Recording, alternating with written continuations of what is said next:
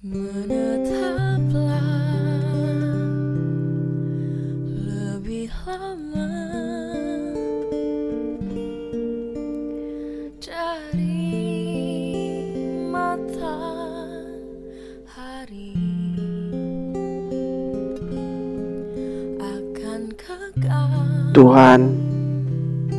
semoga di bulan baik ini semua kabar baik yang sempat tertunda tersampaikan tepat waktu. Kau bilang berbukalah dengan yang manis, tapi satu-satunya rasa manis yang aku miliki adalah kenangan terakhir berbuka di ruang tengah dengan keluarga yang utuh dan ruang telah mencuri itu.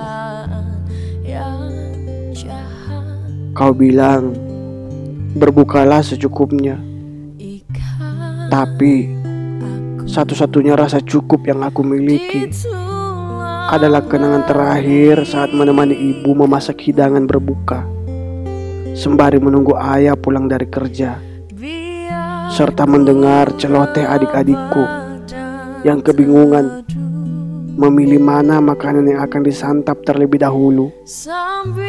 Dan waktu juga sudah mencuri itu. Percayalah bulan baik hanya berbaik hati pada kebaikan, bukan pada ingatan seorang anak yang sedang memikul jarak di pundaknya. Percayalah bulan baik hanya berbaik hati pada kebaikan, bukan pada hati kecil seorang ibu atau ayah yang takut tak bisa memberikan hidangan yang layak di meja makan untuk anak-anaknya yang kelaparan. Tapi apa boleh buat? Bagaimanapun, semua cerita berbuka itu telah berakhir. Kita hanya bisa menerimanya dan berharap ada kabar baik yang sempat tertunda bisa datang tepat waktu.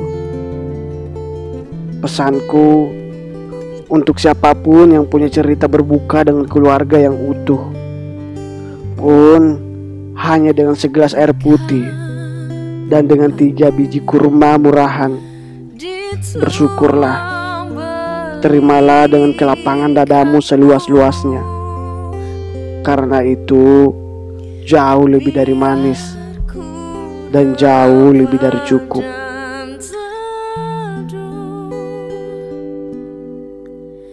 Sambil dengar ceritamu